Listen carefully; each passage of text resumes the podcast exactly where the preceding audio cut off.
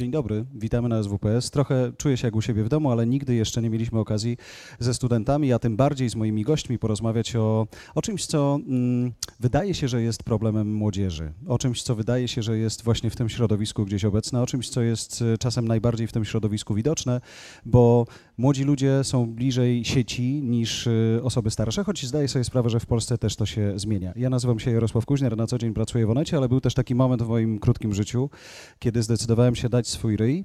Koniec cytatu, z sieci zresztą, kampanii Hate Stop. I dzisiaj o tym, czym jest hejt w sieci, jaką krzywdę on wyrządza i czy rzeczywiście taki hejt sieciowy typu masz fatalnie skrojoną marynarkę, bucu, to już powinno boleć, czy to jest po prostu standard naszej internetowej rozmowy? O tym będziemy rozmawiali z moimi gośćmi.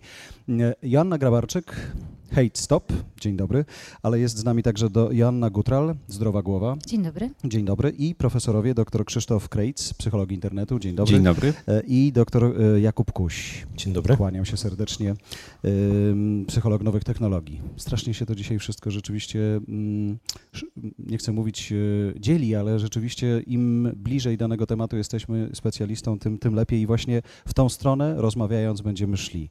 Asia, czy możemy zacząć od pytania, które wydaje się najbardziej banalne, wydaje się najbardziej e, proste, a jest chyba najtrudniejsze. Patrząc dzisiaj na sieć, to hejt to co?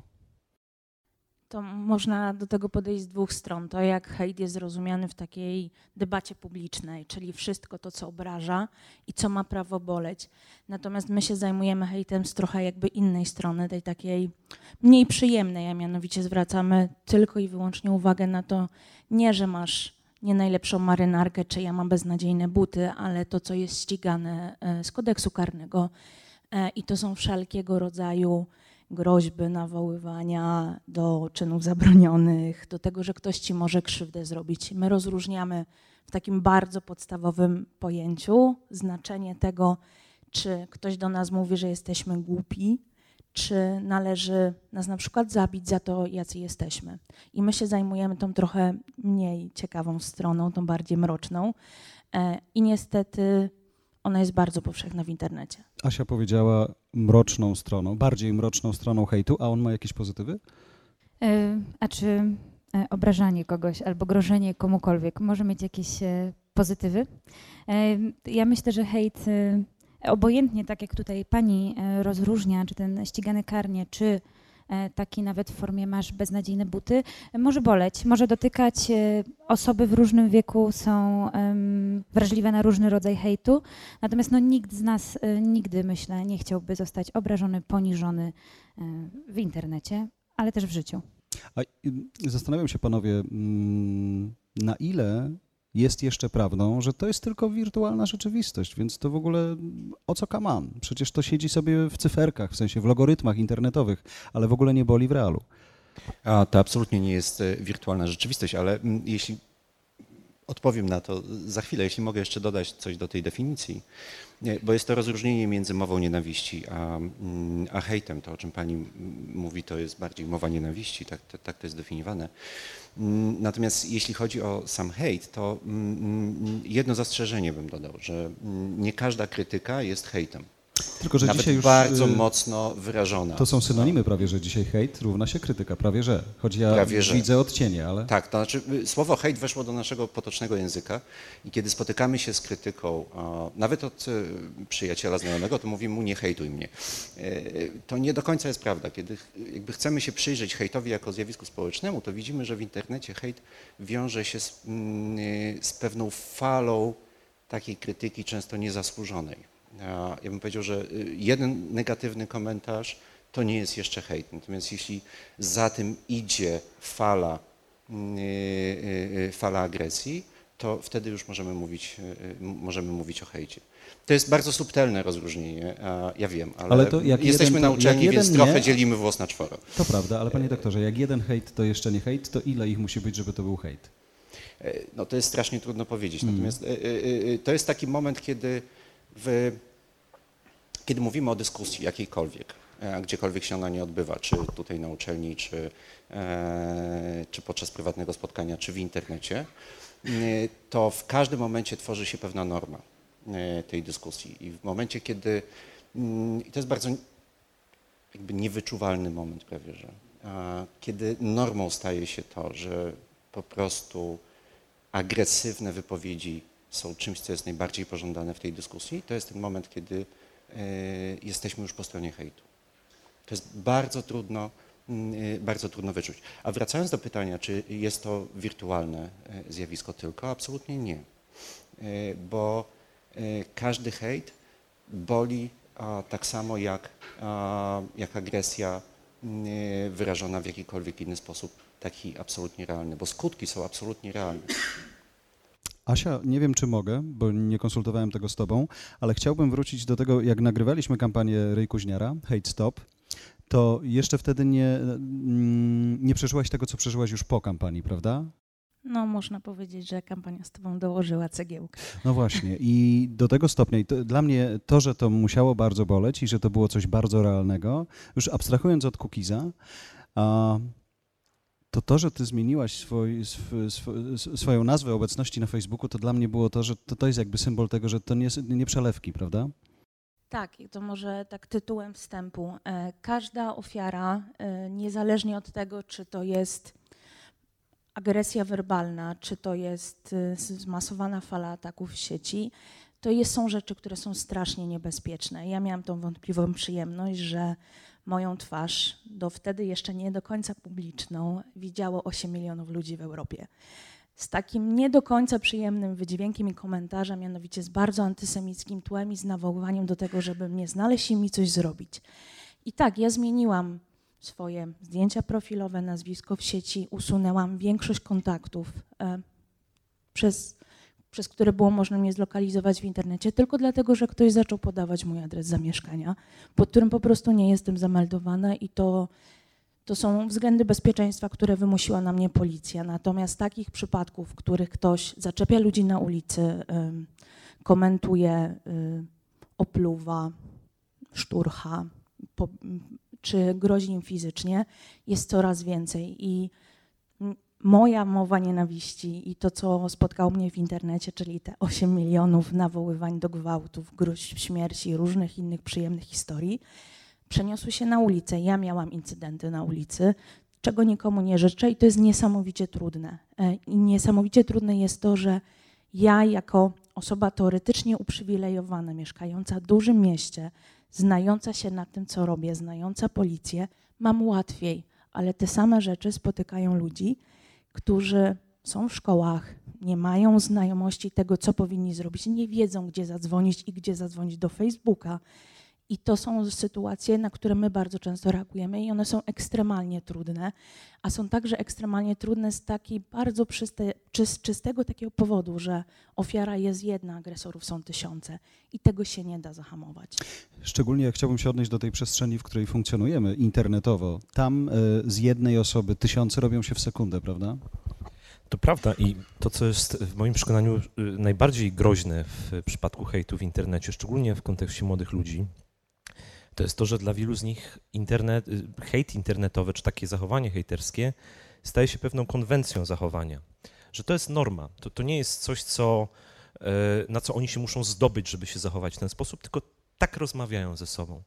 E, I tutaj y, no można powiedzieć, że to jest taka trochę e, technika salami, czyli plasterek po plasterku zbliżamy się do takich sytuacji, o których pani mówi, czyli od małego w cudzysłowie e, agresywnego komentarza na forum, no przechodzimy do, e, do ataków i, i, i gruźb karalnych. Także to jest, to jest no taka spirala, która się zaczęła i, i, i trudno powiedzieć, jak ją zatrzymać. To ja bym chciała tylko dodać jedną rzecz. To jak my często spotykamy dzieciaki, takie najmłodsze, i zdarza nas, nam się, że szkoły nas proszą o audyty mediów społecznościowych, tego jak się ich uczniowie zachowują, to u mnie w podstawówce obrażano kogoś słowem per, sorry, jesteś głupi i kilka jeszcze innych bardzo popularnych wtedy. Czułostka to, dzisiaj. Dzisiaj to jest uchodźca. Wyrwałbym ci ręce, zabiję cię. I to są, to jest jakby forma języka, którą ci młodzi ludzie używają. Ona nie wzięła się znikąd. E, I bardzo trudno rozgraniczyć, gdzie to jest jakaś forma językowego slangu zamkniętej grupy osób, a gdzie to są rzeczywiście groźby karalne i naprawdę może się komuś coś stać. My też rozmawiamy w takim miejscu, które w, mm, i, i też ta nasza rozmowa nie wzięła się znikąd. Pewnie kojarzycie sprawę mm, Filipa Heisera i tego, jak jeden z nas tak naprawdę, ja jako wykładowca mogę powiedzieć jeden z nas, bo, bo jesteśmy sami za siebie tutaj wszyscy odpowiedzialni, y, tak a nie inaczej odezwał się w tej publicznej dyskusji i zastanawiam się, bo to też pokazało, że hejt nie ma... że hejt to nie jest coś, co się pojawia na marginesie społeczeństwa, prawda? Tylko w sferach wyższych też. Albo aspirujących do wyższych. Ja myślę, że hejt już pojawia się wszędzie i, i tym bardziej ten y, hejt internetowy. Em, To jest tak, kiedyś mogliśmy komuś powiedzieć właśnie tę czułostkę pod tytułem jesteś głupi. Słyszała to jakaś ograniczona ilość osób. Teraz jest to y, na piśmie. E, Co więcej, można komentarze lajkować, więc jeszcze tutaj zdobywamy grono osób, które aprobują na przykład e, nasz hejt czy obelgę skierowaną e, w kierunku kogoś. E, I wydaje mi się, że to, co zrobił Philip Heiser, czyli tego, tego hejtera obnażył. On po prostu nie mógł poczuć się e, bezkarny. e, Wszyscy zobaczyli, co zrobił, ponieważ to było z tego, co kojarzę w wiadomości prywatnej. E, Bardzo bolesne, ale uważam, że bardzo skuteczne, ponieważ ktoś w końcu przyznał, że nie ma, nie ma na to zgody. E, I to myślę, że to jest taka nauczka też dla wszystkich hejterów, którzy myślą sobie gdzieś tam, że mogą być bez, bezkarni, że gdzieś im to ujdzie na sucho, że nikt się nie dowie, dowie się tylko osoba, e, w kierunku której było to wymierzone. E, Być może zapaliła im się jakaś czerwona lamp, lampka, że, że niekoniecznie, że, że zaczynamy z tym walczyć i że to zaczyna być sprawa publiczna. Zastanawiam się, bo sieć to też już wcale nie jest taki nowy wynalazek, prawda? Ona ma już ładnych parę lat, chyba nawet jest dojrzała, czyli po ponad 18. Ona więc, ile ona może potrzebować czasu na to, żeby dojrzeć, panowie psychologowie? Ja chciałem się odnieść do tego przykładu, e, bo z jednej strony się zgadzam, a z drugiej strony się nie zgadzam. E, I mamy akademicki spór, proszę bardzo. Bo e, o, oczywiście obnażenie takiego hejtera, upublicznienie tej wiadomości w tym konkretnym przypadku zadziałało, wywarło, wywarło falę różnych reakcji.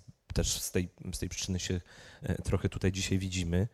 E, Natomiast e, e, dla mnie to jest takie trochę pytanie e, o to, czy jeżeli mamy, mówiąc nieco brzydką metaforą, grzyb na ścianie, to powinniśmy go zamalować, czy powinniśmy go usunąć. Wydaje mi się, być może to jest pewne uogólnienie, ale nie jestem przekonany, czy taki hater po takiej akcji zmienił swoje rzeczywiście podejście do, do tego człowieka. On mógł przeprosić, dlatego że został e, publicznie napiętnowany, ale czy jego rzeczywiście e, podejście do, do drugiego człowieka się zmieniło i czy w przyszłości takiej akcji w stosunku do kogoś mniej e, publicznego e, nie zainicjuje, tu bym się zastanowił. I wydaje mi się, że to, czego brakuje, tak, to bardziej może socjologiczna czy edukacyjna dyskusja niż psychologiczna, e, to, to my nie mamy w polskim systemie e, szkolnictwa, w polskim systemie edukacji jakichkolwiek zajęć, nie mówię o lekcjach, ale jakichś kampanii przemyślanych, dobrze zrobionych pod, e, pod młodych ludzi, którzy, które by pokazywały, że tak nie można robić, że, że to boli, że to jest rzeczywiście atak na drugiego człowieka, na jego osobowość, na jego historię, na jego doświadczenie. E, Młodzi ludzie nie zdają sobie z tego sprawy. Dla nich to jest jakaś tam ab- abstrakcyjna postać. Tylko panie doktorze, jak go zamalować, to on wyjdzie znowu. Jak go zdrapać, no to jest szansa na to, że już nie wyjdzie, nie? No właśnie, i, i to jest to pytanie o to, która strategia dla kogo jest Bo ja się skuteczniejsza. parę razy prawda? przekonałem, że y, może nie pokazywanie, tak jak y, ostatnio Nergal to samo zrobił, tak? Pokazał publicznie y, coś, co było niby prywatną wiadomością, ale że czasem nawet odezwanie się do kogoś, kto mówi do ciebie per... Jesteśmy wszyscy dojrzali, ale mimo to nie, nie, nie będę przeklinał, że on wtedy nagle widzi, że to dotarło do żywej osoby po drugiej stronie, a nie do jakiegoś automatu i jest w stanie zmienić zdanie. Natomiast niezareagowanie właśnie nawet nie byłoby w stanie wymusić u niego tej zmiany, nie? Ja się jak najbardziej zgadzam z tym, że on dobrze zrobił, że zareagował. Natomiast e, tak myślę w perspektywie bardziej długofalowej, prawda? Czy e, takie napiętnowanie rzeczywiście zmieni takiego człowieka? Nie wiem, może tak. A co Oby tak było. Szkoła? Dyskusja o tym? Z, ze szkołą jest taki problem, że co, co by w szkole nie było, to uczniowie to potraktują jako kolejny przedmiot, y, co potencjalnie nie zakończy się dużą chęcią do y, poznawania tego, co w ramach niego się odbywa. E, Wydaje mi się, że y, bardzo skuteczną metodą też jest mm, dotarcie do osób, które cieszą się dla młodych ludzi właśnie pewnym, nie chcę powiedzieć autorytetem, bo to być może nie jest to słowo, ale popularnością. Też były takie akcje, w których e, osoby znane, e, też młodzi, nie wiem, youtuberzy na przykład, prawda, włączali się w takie akcje antyhejterskie to być może tego typu efekt wywierało. E, To trzeba byłoby sprawdzić też pewnie po, po latach, czy rzeczywiście długofalowo to się utrzymuje. To wrócę do tego mojego pytania, czy właśnie patrząc na perspektywę jakąś, jesteśmy w, w stanie dzisiaj em, założyć, że internet dojrzeje i on nie będzie taki, jaki jest teraz, hejterski za lat ileś, jak już będziemy wiedzieli, y, to, że wypowiedziane w internecie słowo boli tak samo jak policzek fizyczny. A ja myślę, że do tego dojrzejemy. Znaczy jestem tutaj absolutnie optymistą. Jedną rzecz y, y, chciałbym się bardzo nie zgodzić, to o czym Pan powiedział na samym początku też, że hejt jest domeną młodzieży. Y, Wszelkie badania pokazują, że absolutnie nie. Ja sam obserwowałem wiele grup internetowych, w których uczestniczyły starsze osoby, szczęśliwe z rodzinami, wnukami, pokazujące swoje zdjęcia y, z Chorwacji, z wakacji i, i tak dalej. Natomiast hejt, jaki tam się wylewał, był przerażający. W życiu czegoś takiego nie czytałem y, na młodych forach. Że młodzi mogliby się od nich uczyć Y, w sumie. tak, znaczy internet został, jak patrzymy na normy społeczne, internet został takim e, e, wciąż e, dzikim polem. Trochę to jest pokłosie takiego myślenia o internecie jako wirtualnej rzeczywistości, że tam możemy sobie wszystko. Nawet jeżeli pod swoim imieniem i nazwiskiem a, występuje, tak jak to na Facebooku najczęściej a, ma miejsce, to i tak mogę powiedzieć wszystko, bo potem się z tego wycofam albo, mm, albo skasuję konto, albo cokolwiek innego. To jest, to jest takie głębokie przekonanie, że, że, że, że jednak tam mogę wszystko. Yy, Ale to, co konieczne jest, to jest stworzenie norm zachowania. I moim zdaniem właśnie młodzież, a, która traktują, ci najmłodsi obecnie internauci, którzy traktują internet nie inaczej, nie jako wirtualną rzeczywistość, tylko po prostu jako rzeczywistość, to w nich jest nadzieja, że oni przeniosą te swoje normy zachowania, które staramy się im wtłoczyć w szkole, w domu, y, y, również do zachowań w sieci. Bo wiedzą, że jeżeli kogoś y, uderzą, jeżeli komuś coś powiedzą przykrego, to to będzie, to, to będzie bolało. I ci najmłodsi, mówię o kilkuletnich dzieciach, y, wiedzą, że jak y, źle powiedzą w internecie o kimś e, albo komuś dołożą werbalnie, to to też będzie go bolało. I tam jest, tam jest największa nadzieja. Duży problem jest z nami, osobami, które wychowują dzieci. A wszyscy, na sali są sami młodzi ludzie, ale e, Oni wyobraźcie sobie, że no, czasami przechodzimy przez, e, e, przez plac zabaw i widzimy, jak mamy, tatusiowie, babcie pilnują swoich dzieci. Słyszymy teksty, nie syp piaskiem w Marysie, bo, bo coś tam. Natomiast kto z nas, i tutaj się uderzmy w pierś, wziął swoje dziecko za rękę, poszedł z nim po Facebooku czy po czymś innym i powiedział, słuchaj, w ten sposób nie możesz się odzywać. Nie syp piaskiem w tego innego człowieka, bo, y, bo coś tam. Nikt.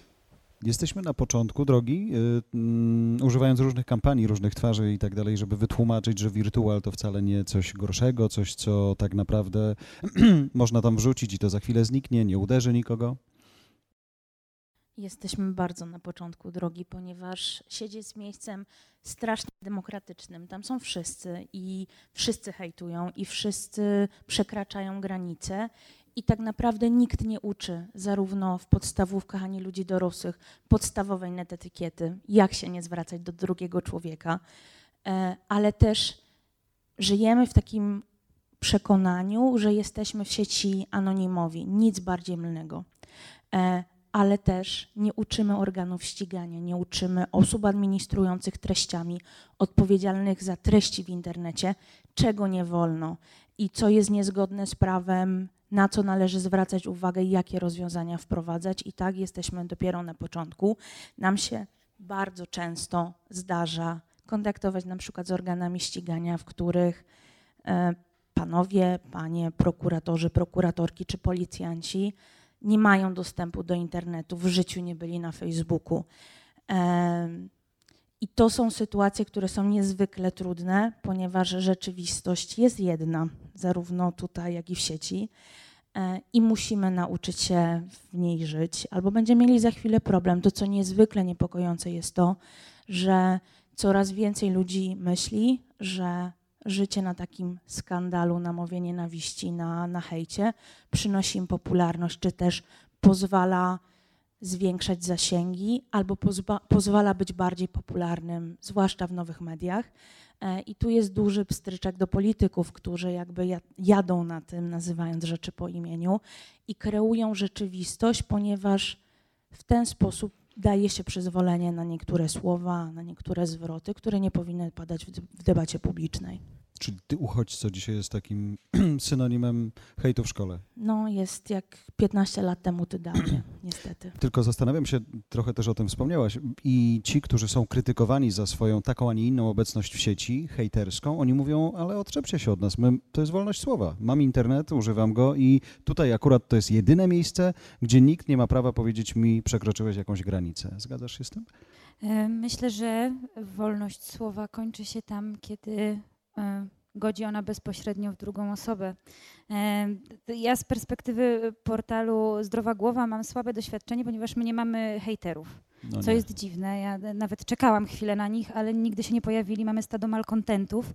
Ale poczekajcie, to zapraszamy wszystkich hejterów, którzy to oglądają teraz na stronę. Chciałabym się z tym empirycznie zmierzyć, Właśnie. jeżeli Państwo pozwolą. E, nie, żartuję. To, to jest akurat um, bardzo ciekawe i bardzo, bardzo też dobre, bo kiedy faktycznie tak się dużo o hejcie mówiło, ja pisałam jakiś artykuł na stronę, to ja czekałam, odświeżałam i się zastanawiałam, co ja zrobię, kiedy się pojawi Popadałaś hejter. w depresję, bo nie było hejtera. Wszyscy e... mówili, o Boże, jaki to poważny temat, ale... A nikt nie hejtuje. Nie wiem, co się dzieje, co jest nie tak z tym światem, co jest nie tak z moim tekstem. Nie, bardzo się cieszyłam, że e, tego nie było. Natomiast e, to, y, do czego zmierzam, to to, że y, wolność słowa kończy się tam, gdzie kogoś obrażamy, natomiast y, powstaje taki spór, czy to jest hejt, czy to jest wyrażanie własnego zdania. To, żeby zaistniała tolerancja, ponieważ wszyscy staramy się być tolerancyjni na drugiego człowieka, żeby zaistniała tolerancja, musi wystąpić różnica zdań. Moim zdaniem hejt i mowa nienawiści rozpoczyna się wtedy, kiedy próbujemy przekonać kogoś do swojego zdania, co już niewiele ma z tolerancją wspólnego i rośniemy w tych argumentach, używając takich, które mają na, celu ugodzić bezpośrednio w drugiego człowieka. Czyli jeżeli ktoś mi powie, e, nie wiem, gadasz głupoty, bo i poprze to argumentami, no okej, okay, mogę się z tym zgodzić albo się z tym nie zgodzić, ale jeżeli Sam gadasz powie, głupoty i się zaczyna. I się zaczyna, tak. I zasięgi rosną. No i lecimy w coraz gorsze słownictwo, coraz gorszą argumentację, która niewiele ma wspólnego z rzeczywistością, niewiele ma wspólnego z logiką wypowiedzi czy z argumentacją, tylko z tym, żeby mnie obrazić lub poniżyć. Mhm. To ile jeszcze potrzeba czasu, żeby dojrzała sieć, tak swoją drogą, panowie? Mniej więcej? To są lata, miesiące, kwartały? Chyba nikt nie jest w stanie na to pytanie odpowiedzieć. To moglibyśmy się starać odpowiedzieć na pytanie, ile czasu potrzeba, żeby zniknęła agresja na drodze wśród kierowców. Nie, to już wiemy, że nigdy nie zniknie. Nie? A nie, jak wysiądą kierowcy z samochodów i będą same auta bez kierowców, no to powiedzmy, że komputery się nie pokłócą. Nie? Tak, agresja z sieci nie zniknie, na pewno. Natomiast e, e, no, hejt nie jest tak widoczny w innych krajach jak u nas. Chociaż przy okazji kampanii w Stanach się zdarza. Istnieje, istnieje oczywiście mnóstwo jest go, ale nie aż może y, nie aż tak. Y, ponieważ y, no, w jakiś sposób ludzie nauczyli się, że przestrzenie internetowe to są też przestrzenie, które ktoś posiada, to są czyjeś prywatne miejsca. Jeżeli idziemy do klubu A, to e, na przykład wiemy, że w tym klubie możemy się w ten sposób ubrać, a nie w inny i w ten sposób zachować, a nie w inny. Jeżeli idziemy do klubu B, to wiemy, że na coś innego możemy sobie e, pozwolić. E, a jak sobie na to samo pozwolimy w klubie A, to zostaniemy wyrzuceni. I tak samo musimy zacząć działać w sieci, znaczy pokazywać, że to jest tak jak, tak jak u Pani, że to jest nasze miejsce, narzucać pewien ton dyskusji, i, i po prostu w ten sposób edukować w cudzysłowie y, dyskutantów. Natomiast jeżeli się cieszymy, że e, klikalność nam rośnie, ponieważ, ponieważ mamy tysiąc hejterów a, a w ciągu minuty, bo oni też są oglądaczami mhm. serwisu, no to w tym momencie rodzi, rodzi się problem. Ja chciałem zwrócić uwagę na jedną kwestię. e, związaną z tym, że w sumie hejterów wbrew pozorom aż tak dużo w internecie nie ma. E, to nie jest tak, że 80% internautów to są hejterzy. To jest, no różne, różne badania różnie pokazują, ale powiedzmy, że to jest orientacyjnie kilkanaście procent takich zapiekłych hejterów. E, Mniej. albo mniej nawet, prawda? 10, no 10-15 dla równego rachunku. Albo jeszcze mniej. E, Ja przepraszam, wchodzę w słowo, ale e, prowadziliśmy Jak takie dojdzie- badania nad kulturą dyskusji w internecie. Co prawda, dobre ponad 5 lat temu, są lata świetne, jeśli chodzi o rozwój internetu, tam mieliśmy próbę wypowiedzi na najróżniejsze trudne tematy i później ręcznie je klasyfikowaliśmy, czy sędziowie kompetentni klasyfikowali. Okazało się, że tych hejterskich wypowiedzi jest 0,8%. Ale to też dlatego, że każdy ma swoją definicję hejtu, tak? Ach, prostu, nie do końca, nie, nie. Staraliśmy się tu postępować jak najbardziej e, e, obiektywnie i zgodnie z metodą naukową. Natomiast rzeczywiście wśród e, e, opinii internautów w tym samym badaniu e, 80% mówiła, że internet jest przesiąknięty hejtem. E, Więc rozjechały się te dwie rzeczywistości. I ten rozjazd jest niezwykle, niezwykle niebezpieczny. Bo jeśli 80% ludzi mówi, że hejt, e, internet jest miejscem przesiąknięty hejtem, to znaczy, że wchodzi to w ich normy. To znaczy, że ja mogę sobie pozwolić, nawet jak nie jestem normalnie hejterem, to w internecie, skoro to jest normą, to mogę sobie na to pozwolić. Mhm. I to jest ten moment, który jest e, e, e, taki kulturowo niebezpieczny.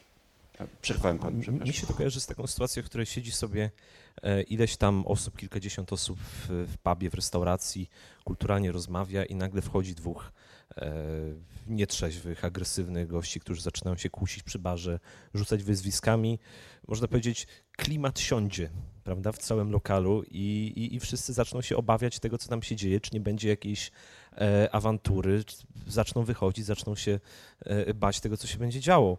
E, Natomiast to, co e, dla mnie jest szczególnie ważne, to jest to, że jeżeli hejterów mamy tak mało w sumie, e, to co robi cała ta pozostała masa internautów? Ta, ten tłum cyfrowy, który widzi te wszystkie e, objawy hejtu, widzi tą agresję i w absolutnie przytłaczającej mierze kompletnie nie reaguje. Ja nie mówię o sytuacji takiej, w której we mnie jest wymierzony ten hejt, bo to ja jestem wtedy e, odbiorcą, to jest jakby zupełnie inna perspektywa. Natomiast jest, jak jestem obserwatorem, jak wchodzę na jakieś forum dyskusyjne, e, na czat, gdziekolwiek, gdzie się hejt może pojawić, widzę, że jakaś osoba jest hejtowana, czy ja coś zrobię, czy ja jakoś zareaguję, czy jakby dam tej ofierze e, hejtu, nienawiści, agresji poczucie, że to nie jest tak, że on jest ona versus stado wściekłych hejterów, którzy się na nią rzucili. I, i to jest coś, o czym się wydaje mi się dość mało, e, dość mało mówi, a chyba niesłusznie. Jakby pokazywanie też e, ludziom, internautom, że oni powinni reagować, że, że to, to jest nie jest to- tak, że oni są bez, bez W znaczenia. momencie, dla kiedy widzimy w sieci hejt, należy tak samo zareagować, jak w, tylko widzi pan, w tramwaju ludzie też nie reagują, jak biją nawet naukowców, więc y, trudno od nich wymagać, żeby komentarzem sprowadzili tak naprawdę światło reflektorów nagle na siebie, prawda? Czy, to, to jest no, się prostu z- odpowiedzialności y, jak najbardziej, natomiast wydaje mi się, że y, no nie można odpuszczać, tym bardziej, że e, no, podał pan przykład reakcji w tramwaju. Być może dla niektórych osób trudniej jest zareagować w tramwaju, bo się po prostu boją, nie że, że, że oberwą prawda, od, od, od agresora. W internecie czasem wystarczy napisać zwykły komentarz. y, Też się oberwie. jakby dać, dać to, to są sekundy, to jest Mhm. minuta jakiejś reakcji i, i, nawet zapomnieć pójść dalej, ale żeby nie było, nie, nie doprowadzić do takiej sytuacji, w której e, mija ten właśnie cyfrowy tłum ofiary hejtu, idzie sobie dalej, a, a, a kończy, się to, kończy się to tragedią. Ale to też się oberwie. A- Ale jest I czy, czy, czy my wiemy w ogóle, co, co, co należy zrobić w takiej sytuacji? Jest jeszcze inna trzecia droga. Jest droga, w której nie trzeba się narażać. Można to zgłosić adminis- administratorowi. Treści w mediach społecznościowych jest to mega proste. Zazwyczaj każdy post, zdjęcie, cokolwiek, co jest w sieci ma taki trybik zgłoś do administratora i macie miliony powodów. Jeśli to nie działa, należy usługę reklamować. Mało kto wie, że po takim zawiadomieniu dostawca treści, czyli mityczny Facebook, Twitter, Google, jest odpowiedzialny za treść, która się u nich znajduje i można ich szczerze powiedziawszy pozwać i z tym do GIODO. E, Będzie to trwało latami, ale mamy swoje małe sukcesy. Natomiast to, z czym bym nie chciała się jakby zgodzić, to że, to, że hejt jest tylko i wyłącznie polską domeną i nasila się w trakcie kampanii wyborczych. Rząd niemiecki wymusił na przykład na dużym operatorze mediów społecznościowych reagowanie przymusowe w 48 godzin na mowę nienawiści. Komisja Europejska wymusiła na Facebooku, Google i kilku jeszcze innych dużych dostawcach treści podpisanie deklaracji o natychmiastowym usuwaniu. Będą tworzone punkty kontaktowe w krajach. Organizacje pozarządowe, ale też ludzie w różnych krajach Unii Europejskiej, ale też na świecie pozywają serwisy za niereagowanie, za to, że ich życie stało się piekłem i oni przyłożyli do tego swoją cegiełkę. Więc to nie jest tak, że jesteśmy bezbronni. Oczywiście można odpowiedzieć komuś i narazić się, że dostaniemy, ale większość z tych ludzi odpuszcza, nie chce im się. Poza tym, że większość mediów społecznościowych ma takie dwie magiczne funkcje, których nie zawsze chcemy używać, a mianowicie ukryj, zbanuj, udaj, że nie widzisz. Naprawdę bardzo, ja to uży- robi. Ja używam i nawet mam hejterów, dlatego że ich zbanowałem za to, że oni byli hejterami, ale okej, już jakoś z tym potrafię żyć. Tylko, że wiesz co, myślę sobie, bo rozmawiamy o tym, co robić, kiedy ten hejt już jest.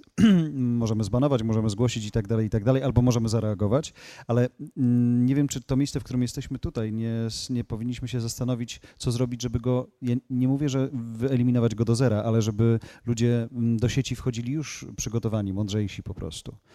Może uczelnia to za późno, może to powinno być przedszkola, kiedy rozmawiamy z dzieciakami o tym, że używanie internetu tak naprawdę to jest to samo, co rozmowa mm, fizyczna oko w oko. Um, to absolutnie powinno być przedszkole. Um, najpopularniejszym prezentem na komunie mm, jest tablet, przepraszam, dron teraz. Ale tablet jest podczepiany do drona, żeby zdjęcia były jeszcze lepsze. Tak. tak, ale tablet też musi być. Y, Po czym to dziecko zostaje samo z tym tabletem i z y, dostępem do wszelkiej możliwej treści i też do, z możliwością wypowiadania się. Y, Większość rodziców nie zdaje sobie sprawy, że to trochę tak jakby dziecko wyprowadzili do centrum Warszawy i zostawili na kilka godzin. No, Cieszą się, bo siedzi w, domu, e, siedzi w domu, w swoim pokoju, jest cicho. Nareszcie cicho. Tak. I ogląda bajki. E, A ono jest wtedy w centrum Warszawy i co robi? No tego nie wiadomo. Co, z czym się styka, nie wiadomo. Wtedy, wtedy jest ten moment, żeby, e, żeby go wziąć za rękę i pokazać, co, gdzie wejść, gdzie nie wejść, e, gdzie jest niebezpiecznie, gdzie jest bezpiecznie, jak się zachować w różnych sytuacjach. My sami tego e, e, nie potrafimy, ale to, jest, to, to się powinno zacząć w domu lub w przedszkolu. Natomiast uczelnia to jest już e, zdecydowanie e, e, za późno. Ja chciałem tylko dodać, że są takie społeczności nawet, e, nie, nie będę, broń Boże, podawał nazwy, żeby ich nie reklamować, e, ale społeczności składające się z ludzi, z dzieci mających 10, 15, 20 lat, nastolatków, e, w których można powiedzieć następuje taka rywalizacja co do tego, kto się zachowa bardziej, bardziej okrutnie, bardziej obelżywie, kto bardziej skejtuje. Oni się później wymieniają z rzutami ekranu, ze swoimi komentarzami, filmikami, które nagrywają i pamiętam taki filmik, e, gdzieś, gdzieś mi się kiedyś udało, bo to też nie, nie jest takie łatwe dostać się do, do takich wy- grup, one są pozamykane i, i, i tam jest jakby selekcja oczywiście w przyjmowaniu. E, nie nagrywałem żadnego takiego filmiku, żeby się dostać, to od razu e, się usprawiedliwię. Udowodnij, że potrafisz być wulgarny. Tak jest. Natomiast wi- widziałem, widziałem taki, takie nagranie, w którym e, dziewczynka 5-6-letnia rzuca taką wiązką przekleństw, instruowana przez brata, który ma lat na oko 12, że naprawdę no, włos się jeży. I, i, i to jest. No, ewidentnie przesłaniem tego filmiku było to, że brat uczył siostrę zachowania tak, żeby ona też, można powiedzieć, kontynuowała rodzinną tradycję e, bycia, bycia hejterem i, i zachowania się w ten sposób. I, i, to, I to jest jakby no, budowanie też trochę takiej patologicznej wspólnoty dla młodych ludzi. No, oni szukają, a ponieważ, y, tak jak dr Kreitz mówi, y, no, są wrzuceni w ten świat bez żadnej instrukcji obsługi, no to sobie radzą jak umieją. I może dojść do takich sytuacji, w której e, no, znajdą w cudzysłowie kolegów w takiej, a nie innej grupie. I wtedy może być rzeczywiście mm, kiepsko. Ja jeszcze myślę o, o takiej sytuacji, że tutaj skupiamy się na, na krzywdzie osoby, która jest ofiarą hejtu, natomiast to, co w jakiś sposób mam nadzieję, oddziałuje na potencjalnych hejterów, jest to, że internet pamięta. To, co będzie w internecie, już nie zniknie i oczywiście tą y, taką psychoedukację zasad y, funkcjonowania w internecie, który bez wątpienia jest rzeczywistością, która już nie zniknie, która się coraz mocniej wpisuje y, w cykl naszego życia, jest to, jaką my sami sobie możemy krzywdę naszym nieodpowiedzialnym zachowaniem. Bardzo Ci dziękuję. Widzisz, u mnie działa.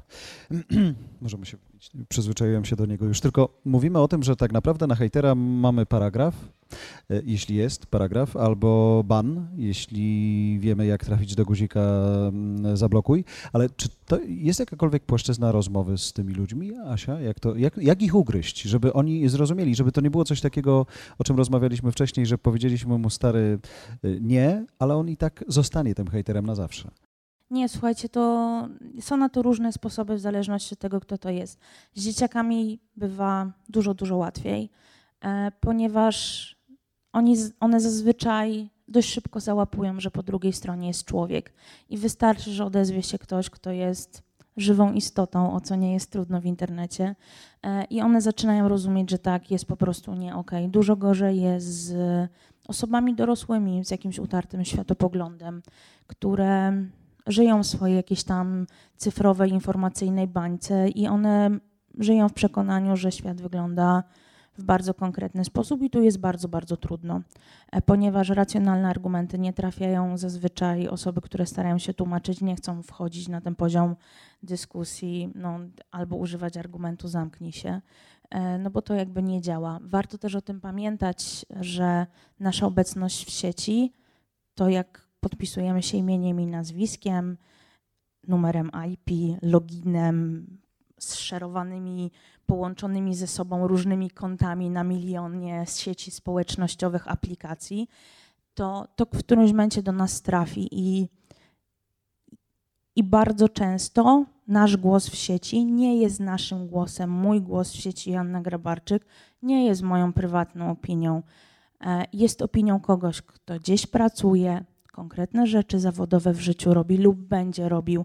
I być może się okazać tak, że kiedyś za to, co mówimy w sieci, nie dostaniemy pracy, zostaniemy zwolnieni, ktoś nas pociągnie do odpowiedzialności, albo nasza droga kariery w którymś momencie się zamknie, ponieważ nikt nie chce pracować z rasistą, ksenofobem, antysemitą i Hejterem. osobą, która no, ma niski poziom kultury Mm. też w sieci. Przypomniał mi się, m, wejdę w słowo panie doktorze, m, zaraz po wyborach 25 października, pamiętam tę datę i będę do końca życia, zeszłego roku, y, kiedy jeden z menadżerów w opisie miał napisane menadżer w dużej firmie telekomunikacyjnej, napisał, no i co teraz, Żakowski, Wielowiejska, y, Olejnik i Kuźniar, zsijcie. Koniec cytatu.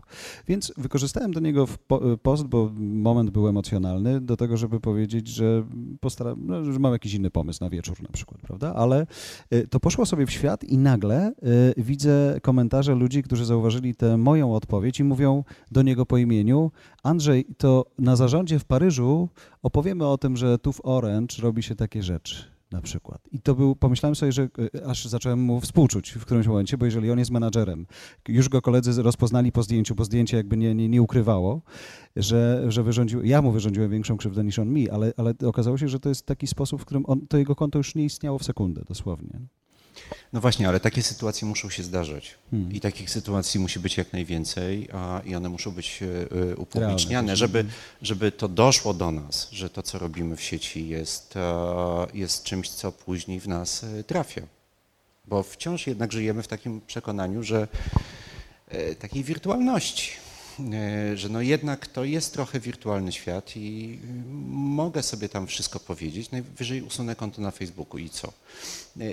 E, To nie jest, to nie jest dobre myślenie. E, O, tylko, że to jest też taka przestrzeń, która jest, y, tak jak mówiło się, że telewizja to są emocje, tak dzisiaj internet to jest je- najbardziej emocjonalna przestrzeń Tak wymiany jest. dyskusji, więc trochę jest tak, że jak to jest emocjonalne, to to zawsze musi mieć temperaturę. Tam nie, nie da się na chłodno czegoś komentować czasami, prawda? Y, Tym bardziej, jeśli mamy takie y, trochę podejście wirtualne do tego, ta, te emocje łatwiej nam się wyrażają. Znaczy są, jest cała seria badań pokazujących, że siedząc przed ekranem, nawet jak y, jesteśmy zalogowani na swoim imieniem i nazwiskiem, to i tak trochę czujemy się anonimowo. W związku z tym przestają działać nasze hamulce, y, które normalnie normalnie e, w innej sytuacji twarzą w twarz nie funkcjonują, bo nie widzimy bezpośrednio tej reakcji, reakcji drugiej osoby, więc to jest strasznie trudne też jakby dla każdego z nas, żeby powstrzymać własne emocje, e, dyskutując w internecie, bo tam jest po prostu łatwiej je e, e, wyrzucić. Choć chciałbym na chwilę wejść w taką głowę hejtera, bo on jak siedzi i napisze coś i nagle jest tam jakaś reakcja, ona jest coraz sympatyczniejsza, bo na przykład zdarzają się ludzie, którzy mówią, ale super i oni mają tyle buziek do, do... Przecież kiedyś to było tylko like, dislike, a teraz można zapłakać, można się roz, rozryczeć, można powiedzieć wow, można się cokolwiek, ale jakby daje się jeszcze więcej możliwości reakcji, żeby, żeby one były. Takie współczesne koloseum się robi i, i to musi być uzależniające w, w jakimś sensie. No. Dla y, części hejterów y, na pewno.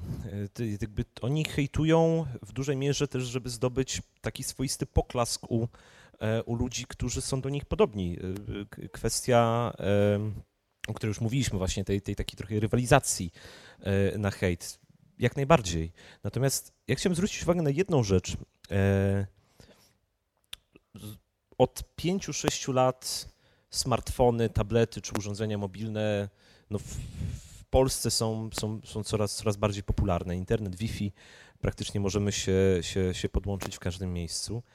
E, I też zwróćmy uwagę na to, że napisanie jakiegoś hejterskiego komentarza e, w takiej sytuacji jest niewyobrażalnie łatwiejsze. Po prostu wyciągamy telefon, klikamy, impulsywnie wysyłamy pod wpływem jakiejś jednej emocji, jednej chwili, leci w świat. E, Kiedyś musielibyśmy wrócić do domu, siąść przed komputerem. Już by nam emocje opadły. Już by nam emocje no opadły i jeszcze byśmy się w międzyczasie zastanowili, czy rzeczywiście chcemy to napisać, czy nie. Wyciągamy telefon, piszemy raz, dwa, leci. E, Taka impulsywność mm, tej agresji też jest czymś, co, co, w, co w moim przekonaniu jest, jest bardzo istotne, bo e, jeżeli jeszcze ktoś nie ma wykształconych w sobie takich mechanizmów samokontroli, a do tego jest jeszcze młodym człowiekiem i z definicji e, nie jest to u niego tak bardzo dobrze jeszcze wykształcone, no to zanim pomyśli, to to poleci w świat i, i, i kogoś ugodzi, kogoś zrani, zanim on nawet zdąży zorientować się, co zrobił. Tylko myślę też o reagowaniu. Wspominaliśmy o Filipie. Ja podawałem swoje przykłady. Nam jest łatwiej, bo mamy publiczne gęby, więc jak coś pokażemy, to w miarę szybko jesteśmy w stanie jakoś tam się obronić. Ale myślę o tych ludziach, którzy nie są publiczni, a też stają się ofiarami hejtu. Y, Jak, jaką oni mogliby mieć wartość czy wskazówkę od nas wszystkich, jak tu sobie siedzimy, żeby mimo trudnej sytuacji, która ich spotka pewnie raz na życie na przykład, um, umieli się y, opakować w jakąś taką teflonową rzecz. No. E, Ja o tym myślę, o, o takim hejcie, w jakim stopniu to Jesteś jest... niewiarygodna, bo tu nie masz tak. hejterów, ale... E, Nie mam hejterów na portalu, to nie znaczy, O. że nie mam hejterów prywatnie. E, natomiast e, mm, ja się zawsze zastanawiam, w jakim stopniu to jest o mnie. W jakim stopniu to, co ktoś do mnie kieruje, mówi o mnie, o moich kompetencjach, o moich zasobach, a w jakim stopniu to jest projekcja deficytów, e, wad, złości, Autora. zazdrości tego autora. I jeżeli ktoś mi e, powie, jesteś głupia, to ja to odrzucam albo nie odrzucam, albo się zastanawiam, no dobra, może nie doczytałam, no może faktycznie można było jakoś to tam bardziej, lepiej. Ale jeżeli ja mm, znam jakieś swoje kompetencje, albo jestem zadowolona z tego, co zrobiłam i potrafię to poprzeć argumentami, które są wiarygodne dla mnie, no to bardzo mi przykro, drogi hejterze, ale to jest o tobie, nie o mnie.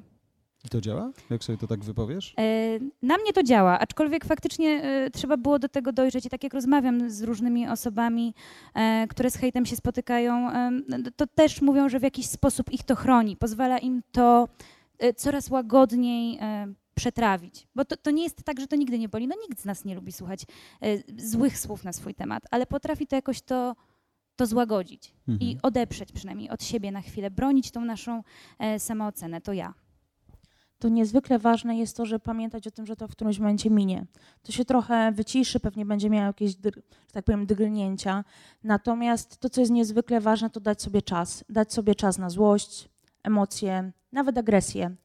E, ale pomyśleć raczej o własnym bezpieczeństwie, ale też o komforcie własnych najbliższych, bo warto o tym pamiętać, że to, że jakaś fala nienawiści spotyka mnie lub kogoś, to nie jest tak, że to jest historia, która dotyka tylko tej jednej osoby. To są często rodzice, partnerzy, najbliżsi, ale też otoczenie.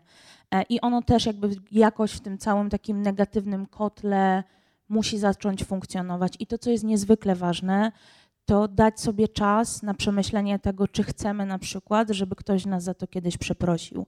Jeśli chcemy, to warto o tym pamiętać, że nikt za nas nie zbierze materiału dowodowego i nawet jeśli tego nie chcemy czytać, a mamy sobie prawo dać szansę nie czytać tego, odciąć się, olać wiadomości, ale musimy poprosić kogoś albo pamiętać o tym, że to wszystko, co się znajduje w sieci, zabezpieczyć zrzutem z ekranu, z pełnym widocznym adresem URL, ponieważ organy ścigania w Polsce nie proszą o pomoc prawną do Stanów Zjednoczonych i nie wydobędziemy tych danych nigdy w żadnej perspektywie czasowej. I mało ludzi ma świadomość tego, że rzeczy w sieci, żeby usłyszeć kiedyś od kogoś przepraszam, mają żywotność rok. Okres retencji danych w tym kraju to jest rok. Więc jeśli chcemy sprawiedliwości, to musimy się zbierać. Mhm. Natomiast myślę, nawet porównując te światy, o których mówiliśmy teraz, y, powiedzmy, że użyję tego przykładu, czytasz o sobie, powiedzmy, jestem, jestem głupi, jestem głupia, a ty opowiadałeś o historii y, podawania twojego adresu, jakiegoś takiego, y, bo to może nas zaboleć przez sekundę i pójdziemy sobie dalej, ale mówiliśmy o hejcie, który jest też zagrożeniem y, zdrowia życia. Tak, ale ja nie chcę mówić tylko o swojej sytuacji. Nie, do ale nas zwracają się. To jest dla mnie przykład tak, tego. oczywiście. Zwracają, zwra, zwracają się do nas o prośbę setki ludzi, których ktoś robi zdjęcia pod domem, udostępnia, nawołuje do tego, żeby kogoś znaleźć. I to są rzeczy ekstremalnie niebezpieczne, ponieważ budzą nie dość, że to, że po prostu fizycznie się boimy, to nie mamy żadnej pewności, czy to się nigdy nie wydarzy. Nie da się zapewnić sobie stuprocentowej ochrony, takie rzeczy to tylko w Hollywood. E, natomiast to jest niezwykle istotne, niezwykle ważne. No, paranoją jest to, że ludzie za inny wygląd czy za kolor skóry dostają bęcki w autobusach. I bardzo często to są rzeczy, które są, e, które zaczynają się w sieci. E, upublicznia się czyjeś wizerunki, poluje się na kogoś po mniejszy, w mniejszych miastach, że się pojawił jakiś uchodźca i należy go ścigać, ścigają go jakieś grupy ludzi. To nie jest film, to jest polska rzeczywistość, to jest chore. To gdybyśmy e, mieli się, może nie kończąc naszą rozmowę, ale zbliżając się do tego końca, zastanowić, e, jak wytyczyć taką granicę. E, W naszej kampanii Hate Stop mówiliśmy o tym, że hejt to przemoc słowna. Jak to rozumieć, albo jak to przełożyć na prostszy język, tak żeby każdy zrozumiał, że właśnie to nie jest tylko powiedzenie do kogoś, ty jesteś głupi, ale że to jest coś więcej. Wydaje mi się, że można przeprowadzić taki prosty eksperyment myślowy, e, żeby zastanowić się nad tym, co jest hejtem, a co jest krytyką. Wyobrazić sobie, że staję naprzeciwko tej osoby i mu to mówię. E, I jakby nawet wypowiedzenie na głos jakiegoś komentarza no da nam trochę zrozumienie tego, czym on jest tak naprawdę, bo znacznie łatwiej się pisze, tak jak znacznie łatwiej e, wydaje się pieniądze, które mamy na karcie kredytowej, a nie w, w gotówce, tak łatwiej e, jest e, napisać do kogoś wpis pełen agresji, pełen nienawiści. No tu na samym początku już sobie w sumie taką definicję zarysowaliśmy, że hejt też, czy agresja taka internetowa bardzo często jest kompletnie nieukierunkowana. Ona nie jest hejter nawet nie tyle hejtuje dlatego, żeby tą konkretną osobę zhejtować, ale można powiedzieć, bo ona się nawinęła trochę, bo ona jest na widoku, ona jest na widelcu. E, I, i jeżeli do tego dochodzi taki, no, pełen agresji, obraźliwy, obelżywy e, ton związany z tym, że ten ktoś się odróżnia w jakimś tam stopniu, e, no to myślę, że spokojnie wtedy już możemy mówić, no, że to nawet może nie tyle jest hejt, co mowa nienawiści, prawda? To też e, to sformułowanie hejt tak się przybiło do popkultury, ale, Ale ono też tak ale pamiętajmy, trochę, że to jest eufemizm, Mm. trochę, w pewnym sensie. E, Nie mówimy o kimś, ty nienawistniku, prawda? Tylko ty hejterze. Nie czuły draniu. Nie czuły draniu, ty łobuzie. E, Natomiast mówimy o hejcie, o hejterach. To jest trochę pułapka, mam wrażenie, Mm. w którą myśmy, myśmy wpadli chcąc, nie chcąc i, i musimy na to uważać po prostu. Mhm. Panie doktorze, jakbyśmy mieli tą granicę sobie narysować gdzieś tak po ludzku między przemocą słowną a zwykłym hejcikiem? Nie ma czegoś takiego jak hejcik. Yy, To jest tak jak każda inna agresja. Um, yy, Te granice kulturowe nam się przesuwają. To jest to, co już Państwo wcześniej mówili. Dzięki temu, co widzimy w mediach, dzięki temu, co czytamy w internecie, który też jest medium, e, widzimy, że ludzie z tytułami naukowymi, ludzie, których poważamy, którzy, yy, którzy są redaktorami, którzy są e, wybrańcami narodu, e, używają coraz bardziej może tak powiem, e, przesuwają coraz bardziej granice kultury wypowiedzi. To jest. Czulej się nie da, ale ładnie pan to powiedział. Najładniejsze sformułowanie, jakie mi przyszło do głowy. To te granice się w nas również przesuwają. A gdzie one będą dokładnie, mhm. to tego nie wiemy, ale ja myślę, że każdy z nas ma prawo do własnej granicy i do jasnego powiedzenia, że nie chcę, żeby w ten sposób do mnie ktokolwiek mówił. Proszę, nie mów w ten sposób, bo nie chcę z tobą dalej rozmawiać. Mhm. Y, y, walka oczywiście jest y, konieczna wtedy, kiedy już się mleko rozleje. To jest przerażające. Pani ma przykłady i pani ma pewnie tysiące takich. Natomiast wtedy, kiedy ta reakcja szybka, kiedy jeszcze nie ma wielkiego hejtu, kiedy widzimy jeden komentarz, powiedzenie nie, ja się w tą grę nie bawię. W każdej reakcji, w każdej relacji dwóch przyjaciół, czy relacji hejter, hejtowany, e, ludzie w coś grają i hejterowi o coś chodzi. Powiedzenie mu, nie, ja w twoją grę nie wchodzę, nie wiem w jaki sposób, ale mhm. w, e, e, to każdy musi sobie już jakby wymyślić, wypracować ten sposób. A to jest ten moment, kiedy być może ten hejt jeszcze się nie pojawi, kiedy to mleko się jeszcze nie rozleje. Asia? E, ja myślę sobie, że to jest e, bardzo prosta ścieżka. To jest sytuacja, zachowanie, czyli ten hejt i konsekwencje. I w momencie, kiedy e, myślę o tych konsekwencjach, to powinnam się zastanowić, czy ja jestem w stanie unieść te konsekwencje, które mogą spotkać mnie za ten hejt i czy byłabym w stanie sprostać tym konsekwencjom, gdybym była odbiorcą tego hejtu. I myślę, że przy odrobinie empatii i zmiany perspektywy, a na tą empatię chciałabym uwrażliwiać nie tylko w sieci, ale w ogóle w relacjach międzyludzkich, e, będziemy w stanie tak e, stricte poznawczo ocenić, co czynimy komuś i co robimy sobie. Może wówczas to jest jakiś klucz na to, żeby to przystopować. Tak, tylko myślę, że y, tu ja się chciałem o to zapytać, że ta druga strona, która jest tą atakującą, czy hejtującą, czy używającą mowy nienawiści, przemocy słownej, ona musi wiedzieć, że to jest to, prawda? Bo tak naprawdę czasem mam wrażenie, że oni nie, nie czują, co robią. Ja myślę, że ludzie nie mają świadomości tego, że po drugiej stronie jest człowiek i że to, co pada z naszej klawiatury, e, boli, dotyka, jest przestępstwem często. Ja miałam taką prywatnie jedną sytuację dzieciaka, no w sumie nie dzieciaka, szesnastolatka. Sprawa bardzo mnie mierziła. Chłopak pisał publicznie, że zna mój adres, podawał przybliżony miejsca, w których przebywam, co nie jest trudne. I mówił, że mnie kiedyś dopadnie na ulicy i posiada nóż. No z racji tego, że to było dziecko, ja nie chciałam tego podawać do organów ścigania, no bo stwierdziłam, że no kurde, dzieciak, lepiej z nim pogadać.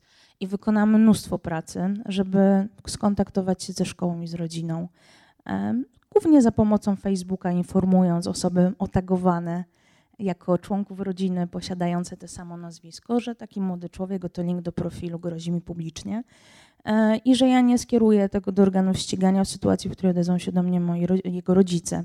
Zgadnijcie, czy ktoś się do mnie odezwał? Nie jeszcze. Nie. Grzeczny synek. Grzeczny synek. Mama, tata pewnie wypiera. Mhm. Więc warto pamiętać o tym, że, że może to dotknąć każdego e, i warto warto, warto też pilnować własne dzieci. To jest jeden ze sposobów na to, żeby, to, żeby z tym walczyć? Myślę, że jest to jeden z wielu. Tylko to jest, wiesz, bo myślę, chcesz podjąć rozmowę z jednym szesnastolatkiem, czy jego rodziną, nie? Y, a, a tak naprawdę takich Jarek, os- co rozmawiać czasami z sześcioma tysiącami ludzi? Nie, no właśnie o to chodzi, że to jest fajne, ale tak naprawdę nie wiem, czy skuteczne w tym sensie, że no masz tu jednego i możesz go uzdrowić i zbawić, ale będzie za chwilę kilku takich, Nie, no to są, no. są trzy, trzy drogi, które można wybrać. Hmm. Jedna to jest droga uzbroić się w cierpliwość i, I czas, i, czas yy, i żelazne zdrowie i nerwy też swojej rodziny i udać, że to nie miało miejsca, kiedyś minie internet, zapomni, a potem zadbać o to, żeby posprzątać wyszukiwarki. Jest to jedna z rozwiązań. Druga jest taka, żeby próbować zbawiać cały świat. Pytanie, czy się da. A trzecia droga jest taka, żeby wziąć sobie rzeczy, które mnie najbardziej bolą i z tym do, organy, do, do organów ścigania i trochę wychować innych poprzez przykład, bo w sytuacji, w której coraz częściej czytamy doniesienia medialne, że ktoś bijący kogoś na ulicy ze względu na kolor skóry, mówienie w autobusie w innym języku, nienawistne komentarze w sieci, ponosi odpowiedzialność. I nie tylko odpowiedzialność karną, ale to, że ktoś jest wysyłany do obozu zagłady na przymusową wycieczkę, inne kary miękkie, e, działa dyscyplinująco na innych ludzi, bo jest taka magiczna grupa na Facebooku. Halo, policja, zapraszamy na Facebooka. Może warto przypomnieć tym ludziom, że że organy ścigania też mogą zajrzeć na Facebooka Jak lub tylko inne skończą miejsce. z, kibolami, to mogą wpaść na Facebooka. No. Często znajdą tych samych ludzi zarówno na stadionie, jak i na, y, na Facebooku, więc, więc warto mieć z tego świadomość, ale też chciałabym opowiedzieć jedną taką małą anegdotkę. Zgadnijcie, co ludzie udostępniają na swoich profilach poza imieniem i nazwiskiem, szkołą, miejscowością, z której pochodzą lub miejscowością, w której mieszkają. Co najdziwniejszego udało nam się znaleźć? Nie krócej będzie mówić, czego nie udostępniają? Słuchajcie, ja, my mamy zdjęcia paszportów tej O. takiej strony z pełnymi danymi. To pewnie dla ambasady amerykańskiej, żeby szybciej z wizą było. No. Mamy zdjęcia y, numerów rejestracyjnych aut. Absolutnie wszystkie informacje. Żeby pokazać, że w leasingu, no to wiadomo. WI to no zawsze Nie, leasing. właśnie nie w leasingu, słuchaj. E, łącznie z tym, że ktoś kiedyś udostępnił zrzut stałego IP e, z urządzenia przenośnego. No, jest to kopalnia wiedzy o ludziach i warto po prostu czasem poszukać, kto, kim jest osoba, która w konkretny sposób się do nas To zwraca. on ci zaufał i pokazał to światu, a ty to wyciągasz przeciwko ja niemu? nie wyciągam tego przeciwko niemu, po prostu żyję z świadomością, że, że wiem, kim on jest. Mm. Przypomniał mi się student z Poznania, z SWPS-u naszego też, y, który pięknie pisał o filmach. Kiedy rozmawialiśmy o marce osobistej, ja go namawiałem na to, żeby znaczy wszystkich studentów, żeby oni przez pół roku przynajmniej jakiejś takiej naszej umowy byli tymi swoimi imionami i nazwiskami w, w relacjach publicznych. I on powiedział, że nie zrobi tego, dlatego że jak on na Filmwebie komentuje coś i jak napisze, że film był do bani na przykład, albo czy innych słów użyje, bardziej literackich niż to moje przed chwilą, to on y, wylewa się na niego taki hejt, że on musi tam występować pod nikiem, bo on się po prostu boi, on sobie z tym nie poradzi. Mimo, że tak naprawdę chodziło nam o złapanie tam tego ruchu i przekierowanie na jego bloga, ale y, to ukrycie się za nikiem dawało mu jakieś takie iluzoryczne poczucie bezpieczeństwa. Panowie, a wasz pomysł na to, żeby, y, żeby znaleźć dobry sposób na walkę z hejtem, to jaki? Z hejterami. Ja się zgodzę z przedmówczynią, że no to jest oczywiście program długofalowy, bardzo długofalowy, ale też, też poparty już badaniami psychologicznymi, czyli można powiedzieć trening empatii e, dla, dla internautów, dla młodych ludzi przede wszystkim. E, uczenie ich tego, że właśnie po drugiej stronie monitora jest żywy człowiek, uczenie ich tego, że ta cyfrowa krzywda zawsze boli analogowo, e, pokazywanie tego, że to nie jest jakaś wyizolowana wirtualna przestrzeń, e, tylko że tam są żywi ludzie. Natomiast no tutaj pojawia się pułapka, okej, załóżmy najbardziej utopijny scenariusz, że jesteśmy w stanie faktycznie wychować młode pokolenia zgodnie z takim duchem, wytrenować w nich, czy wyćwiczyć pewne takie empatyczne mm, podejście, a co z tymi starszymi hejterami, prawda? Ich jest, ich jest też bardzo dużo i, i, i czy wtedy ich odpuszczamy i uznajemy za, za stracone cyfrowe pokolenie, czy, czy jednak nie? Wydaje mi się, że to jest najtrudniejsza grupa, żeby, żeby do niej dotrzeć, bo to są ludzie, którzy mają już swoje przekonania, którzy mają swoje poglądy e, i oni dostali wielką cyfrową tubę do tego, żeby ogłosić się całemu światu. E, A do tego mają przekonanie o tym, że no, świat czeka tylko i wyłącznie na to, żeby usłyszeć ich opinię, prawda? Ich zdanie na, na każdy temat E, I, i, i to jest problem. Tutaj przyznam się, że do tego typu grupy e, internautów ja przynajmniej jednej, jednej drogi e, nie widzę dotarcia. Um, no, mm, ja tylko mogę się zgodzić z tym, co Pan mówi, to znaczy wychowanie, jeszcze raz wychowanie i jeszcze raz wychowanie. Um, jak wychować starszych? E, Jak wychować ludzi do tego, żeby jeździli wolniej po Warszawie? Powiem coś niepopularnego, postawić dużo fotoradarów. E, I, e, I tutaj Pani działalność jest e, jednym z przykładów fotoradaru, których powinno być mnóstwo. Pani działalność, działalność właścicieli portali, e, mm, e, już nie mówię o organach ścigania, bo to jest oczywiste. Mm, Takiej działalności powinno być jak najwięcej i powinniśmy zobaczyć, że jeżeli szybko jadę, to dostaję szybko mandat. Jeżeli jestem agresywny, czy to na ulicy, czy w domu, czy, czy w internecie, to mam kłopoty. E, Chyba tylko to jest jedyne wyjście. Mhm. Pani redaktor? No chyba się już powtórzę. No, no, To nie o, tej, powtarzaj się, bardzo Ci o dziękuję. tej empatii. Tyle. Wszystkim życzę Tylko, w życiu żeby- i w internecie. Tylko zastanawiam się, czy jej się można nauczyć. No, czy ona jest w nas, bośmy ją wzięli ze szkoły z domu, czy w niej, jej w nas nie ma i już nigdy nie przyjdzie. Jeżeli dojdziemy do wniosku, że nie ma i nie ma sensu się jej uczyć, to się jej nie nauczymy. A myślę, że takim i rozmową na ten temat, Mhm. i, i byciem czujnym w tym temacie no, mamy szansę przynajmniej spróbować. Chcecie się dołączyć jakkolwiek do naszej rozmowy? Okej, to mam takie pytanie właśnie jeszcze specjalnie właśnie prawdopodobnie jako psychologa internetu. Jak to się dzieje, bo padło takie stwierdzenie jak wirtualna rzeczywistość. Ja się chciałem zapytać, jak to się dzieje, że właśnie wirtualność staje się rzeczywistością albo stała się rzeczywistością? E, Przenieśliśmy dużą część naszego e, życia społecznego do sieci. I w zasadzie nasza, mm, dla wielu osób obecnie rozmowa na czacie jest dokładnie tym samym, co rozmowa twarzą w twarz. Nawet nie dokładnie tym samym, czymś lepszym, bo wygodniejszym, szybszym, e, co się może zdarzyć w każdym momencie, e, dającym te, prawie te same benefity, a niesiącym e, no, coś, co niesie mniej zagrożeń. Więc mamy mnóstwo benefitów. Nasze życie społeczne, nasi znajomi prześli, prze, prze, funkcjonują w internecie. I to nie jest jakby inna rzeczywistość. My ten internet mamy co więcej cały czas ze sobą. Mamy w postaci naszych smartfonów. Mm, e, I my nie, nie logujemy się do tej rzeczywistości, tak jak to było kiedyś w latach 90. Ja pamiętam takie czasy jeszcze, proszę Państwa, wydzwanialiśmy, e, czekało się, czy będzie połączenie, czy nie. Później się człowiek logował do tego komputera i y, cudawianki, to rzeczywiście miało się wrażenie, że się wchodzi do innej rzeczywistości. Nie, no teraz ta rzeczywistość jest z nami. Y, y, Mam w kieszeni y, telefon, za chwilę pewnie coś tam pyknie y, i to znaczy, że ktoś y, y, do mnie mówi, w związku z tym będę musiał odpowiedzieć. A te dwie, dwa światy się po prostu z, zlały zupełnie. Między innymi wygody, y, ale też takiej potrzeby stałego kontaktu z innymi ludźmi. Yy, Chcecie się dołączyć do naszej rozmowy z gośćmi, którzy jeszcze zostali? Jeśli macie pytanie, to z przyjemnością. Posłuchamy, odpowiemy. Bardzo proszę. Po pierwsze, bardzo dziękuję za ciekawą debatę. Tak chciałam się odnieść do tego mm, subtelnego hejtu, o którym tutaj była mowa i o tym, jak mu przeciwdziałać.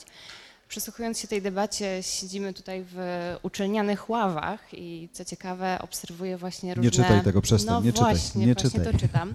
Także hejt jakby tutaj nie tylko w dzisiejszej debacie, ale też e, uwidoczniony na tych e, ławkach.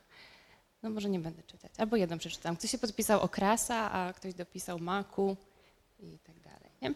No i sporo to jest takich. No i właśnie mm, myślę sobie, patrząc na to, że tak naprawdę mm, ten hejt jest czymś takim uniwersalnym i czymś, co istnieje jakby jeszcze sprzed czasów internetu.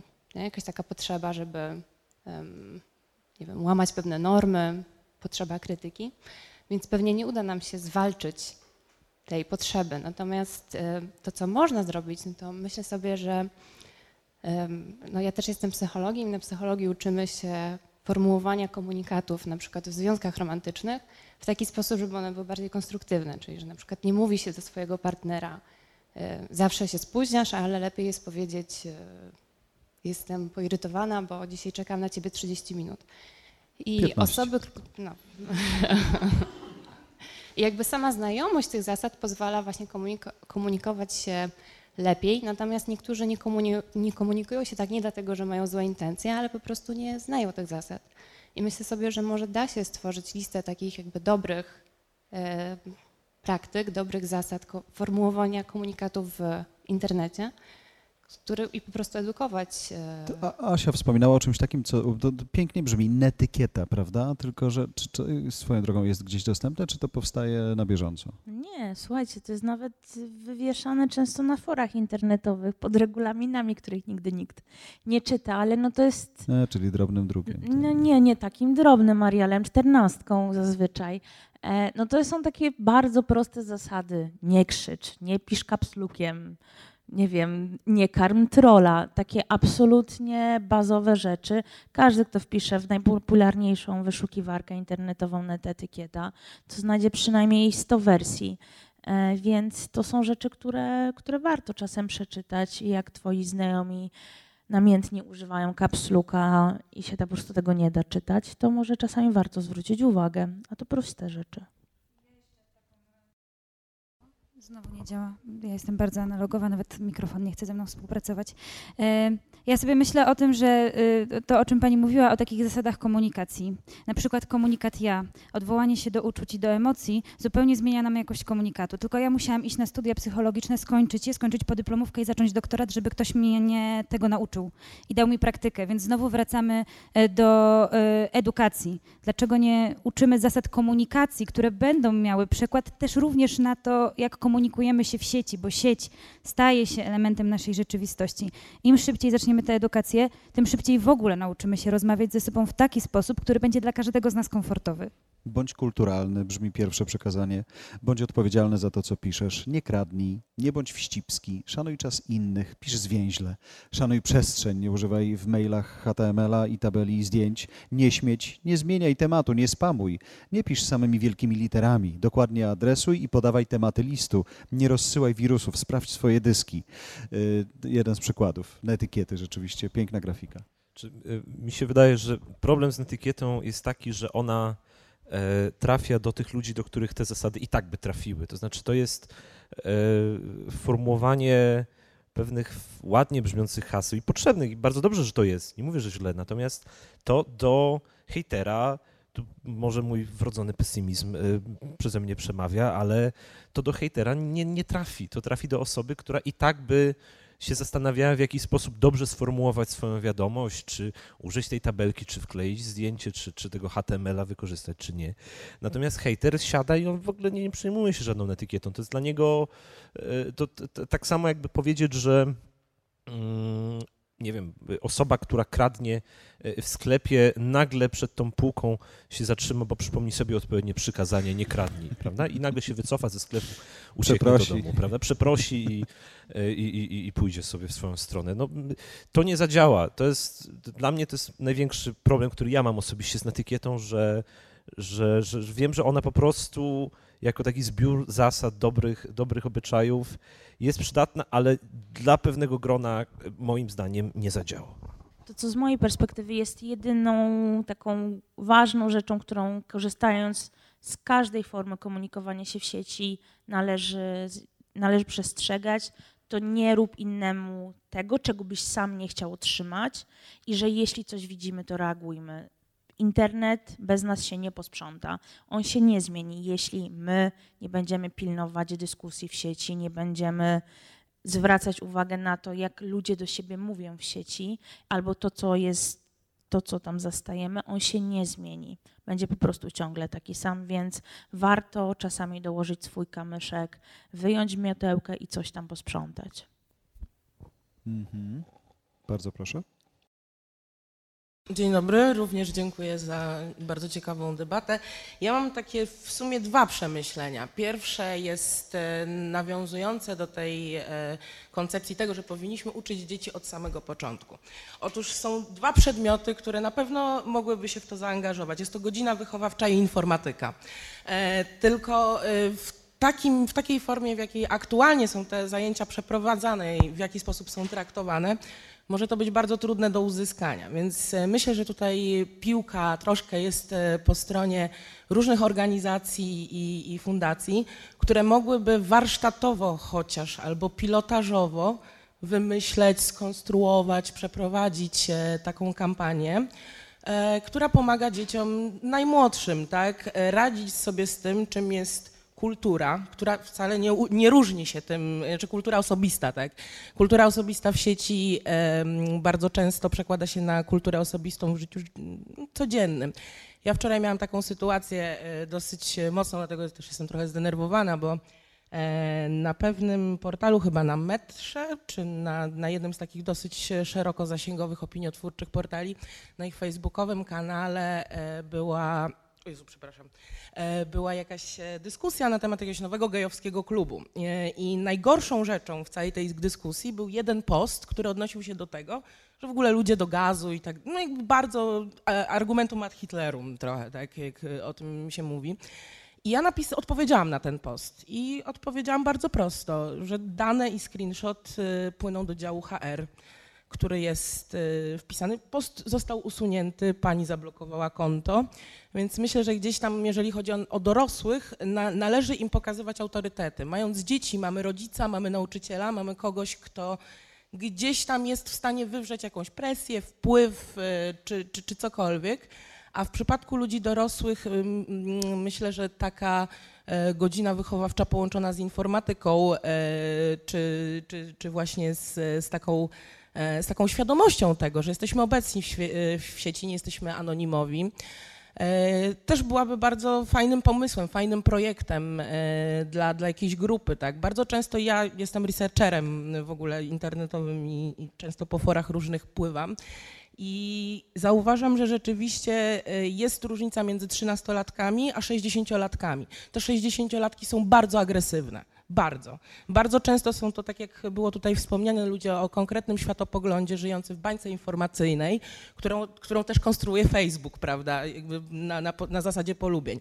E, więc myślę, że tutaj, e, tu, tu, tutaj można by było się pochy, pochylić na tym, na takim projekcie dzieci i rodziców tak naprawdę, czyli tego, że dzieci i rodzice uczestniczą w takich zajęciach. Są czasami takie warsztaty w różnych szkołach, gdzie e, są jakieś umiejętności właśnie w taki sposób ćwiczone.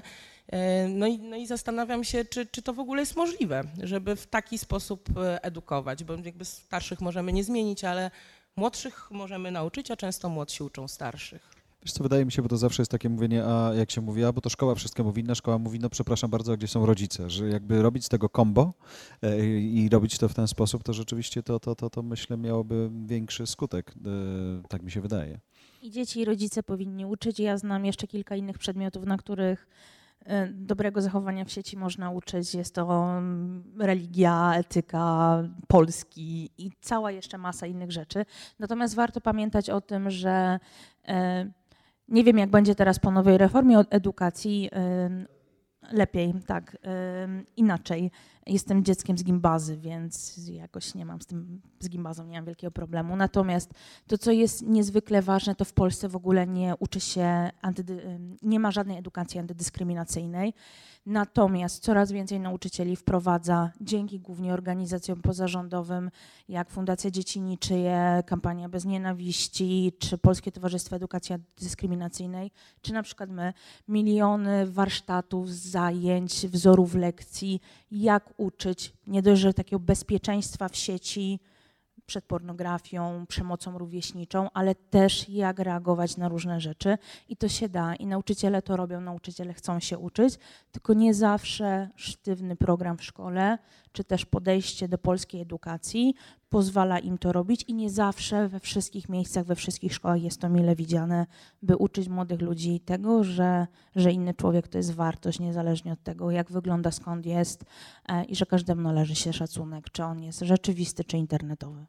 Rodzice, rodzice e, nie zwracają uwagi na to, co dziecko usłyszy w domu, co dziecko przyniesie do szkoły, co dziecko opowie, przekaże.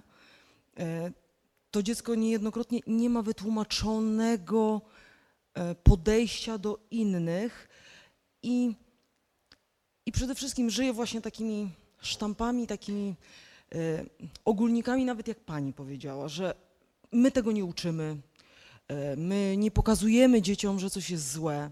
To, co powiedział e, wcześniej pan profesor, nikt z nas tego nie zrobił. Jest to nieprawda. Ja dziecko uczę w domu, że nie lajkujemy, nie robimy czegoś, co mogłoby zrobić drugiej osobie, nawet anonimowej, krzywdę, bo jak ty byś się poczuła, jeżeli ktoś powiedziałby ci to samo, ktoś napisałby ci coś takiego. Więc przede wszystkim nie uogólniajmy tego wszystkiego. Są rodzice, którzy to zaczęli. Uczmy innych, ale zacznijmy przede wszystkim od domu, od, od siebie, a nie od. y, Szkoła nie zrobi za nas wszystkiego. Obcy ludzie za nas wszystkiego nie zrobią. Y, My musimy po prostu bardziej zwracać uwagę na nasze dzieci, na to, co jest w naszym najmniejszym e, otoczeniu. Od tego zacznijmy.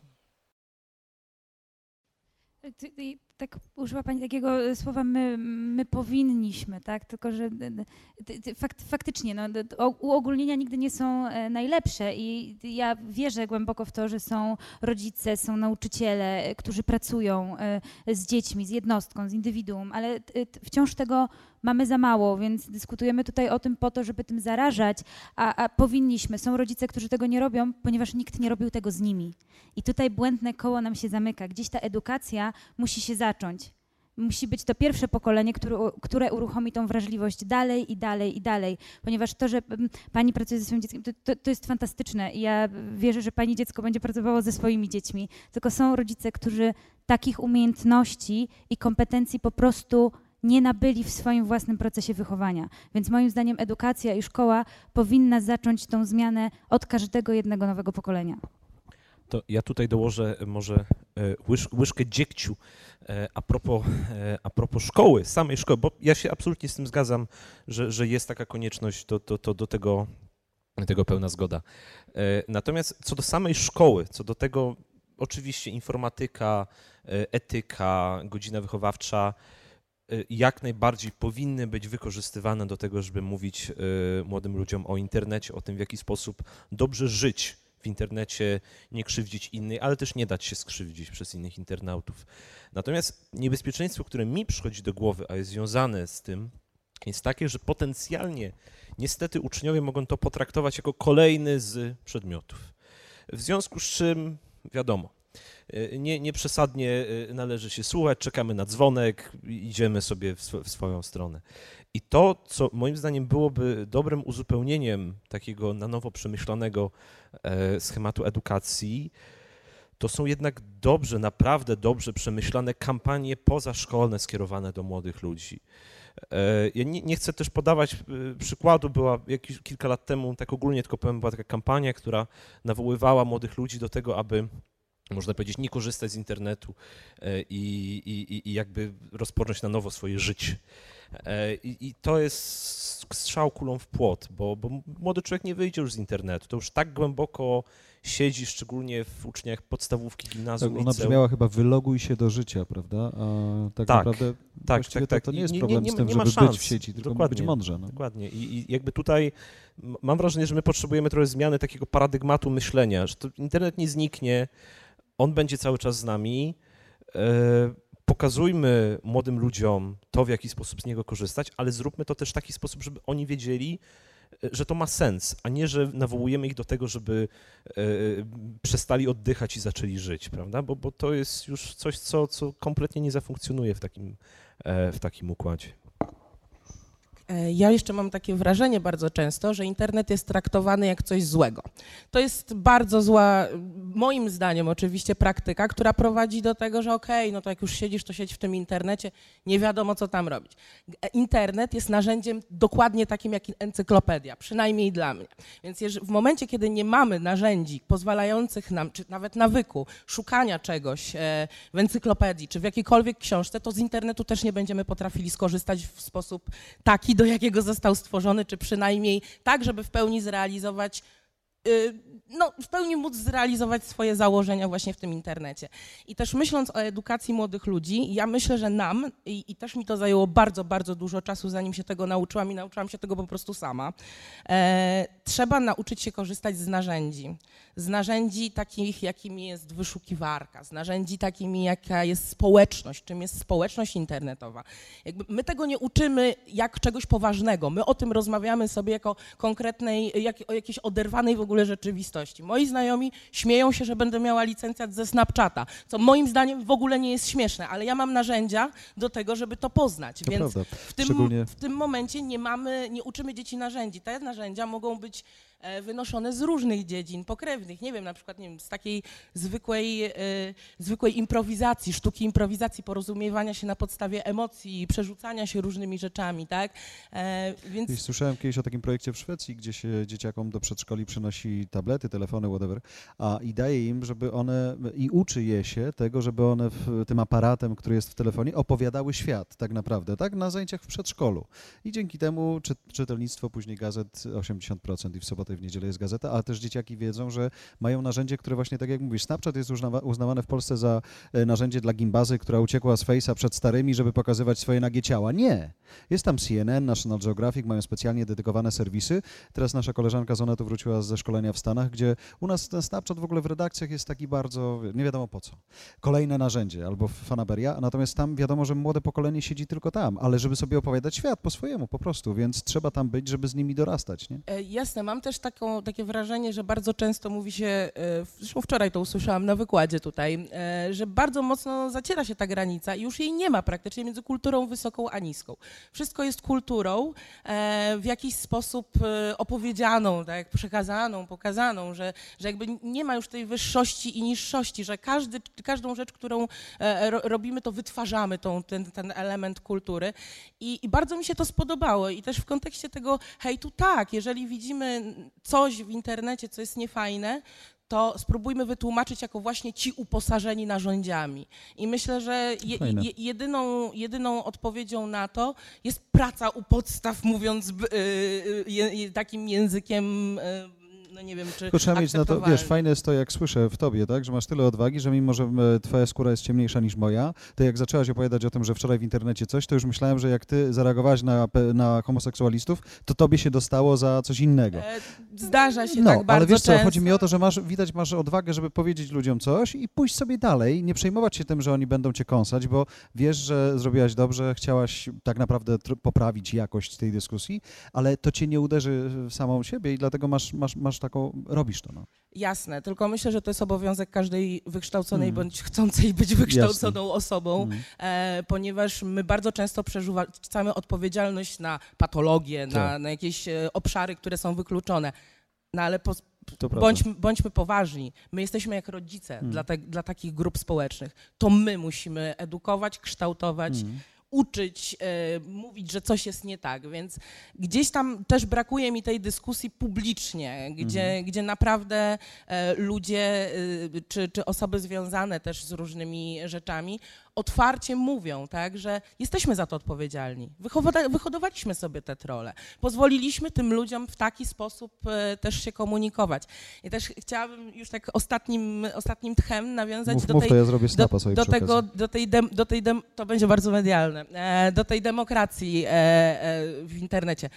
No, Dla mnie internet nie jest demokratyczny, jest anarchiczny bardzo. I, I w tym momencie tworzą się ró- różne plemiona. My mamy plemiona w tym internecie, więc te plemiona różnie reagują na różne rzeczy, mają różne kodeksy, więc ta etykieta nie może być uniwersalna, bo wychodzimy z innej pozycji właśnie tej narzędziowej i gdzieś tam sobie myślę, że, że my musimy najpierw nauczyć korzystać ludzi z encyklopedii, a dopiero potem z internetu. I, i, i, I że to gdzieś tam tak się zaczyna. I myślę, że, że na tym mogę skończyć. Mhm. Dziękuję ci bardzo.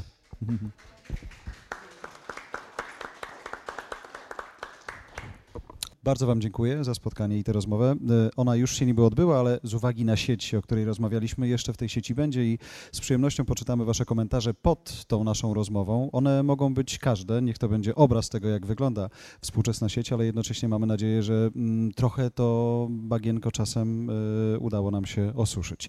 Moi rozmówcy, e, Asia Grabarczyk, Hate Stop, ale także Joanna Gutral, Otwarta Głowa.